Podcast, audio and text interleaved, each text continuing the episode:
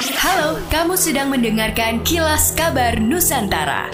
Podcast persembahan KG Radio Network menyajikan berita harian yang mengangkat keunikan dari berbagai wilayah Indonesia. Kilas Kabar Nusantara dapat juga didukung oleh pengiklan loh. Kasus penyakit mulut dan kuku atau PMK pada hewan ternak telah ditemukan di empat kabupaten di Provinsi Jawa Timur. Penyakit menular ini telah menyerang sekitar 1.247 ekor ternak sapi di Kabupaten Gresik, Lamongan, Sidoarjo, dan Mojokerto. Gubernur Jawa Timur Kofifa Indar Parawansa meminta agar hewan ternak yang terkena wabah PMK atau belum segera diproteksi dengan cara tidak dibawa keluar kandang karena pola pencegahannya mirip dengan penanganan COVID-19.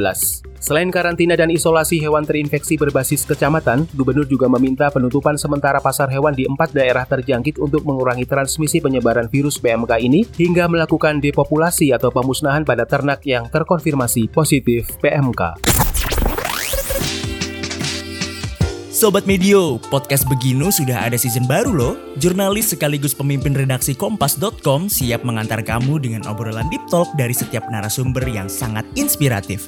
Mulai dari cerita kesalahpahaman, kesialan hidup, dan bahkan penolakan dari masyarakat bakal terungkap langsung dari bibir tokoh-tokoh terkenal. Makanya, jangan sampai ketinggalan setiap episode terbaru podcast Beginu Season 4 setiap hari Senin dan Rabu pukul 3 sore hanya di Spotify. Oh iya, jangan lupa juga untuk follow dan beri rating podcast Beginu ya. Stay tune terus. Bersama saya Wisnu Nugroho, inilah Beginu. Bukan begini, bukan begitu.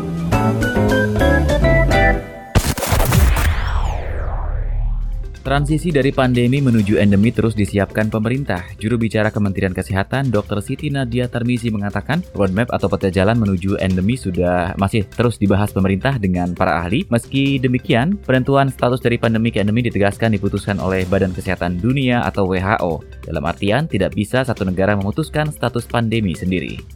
Meski pemerintah belum mencabut status pandemi COVID-19 di Indonesia, namun seiring pelonggaran mobilitas masyarakat, pemerintah daerah Sulut optimis jumlah kunjungan wisatawan baik domestik dan maupun mancanegara semakin membaik ke depannya. Kepala Dinas Pariwisata Daerah Sulut Henry Kaicili mengatakan, dengan sejumlah pelonggaran mobilitas masyarakat baik untuk wisatawan dalam negeri, termasuk kebijakan bagi warga negara asing masuk ke Indonesia dengan visa on arrival, ini turut berkontribusi terhadap bertumbuhnya jumlah kunjungan wisatawan ke Sulut beberapa pekan terakhir. Meski belum bertambah signifikan, namun Dinas Pariwisata memproyeksi jika kondisi pandemi berangsur menuju ke endemi, maka jumlah kunjungan wisatawan akan semakin membaik.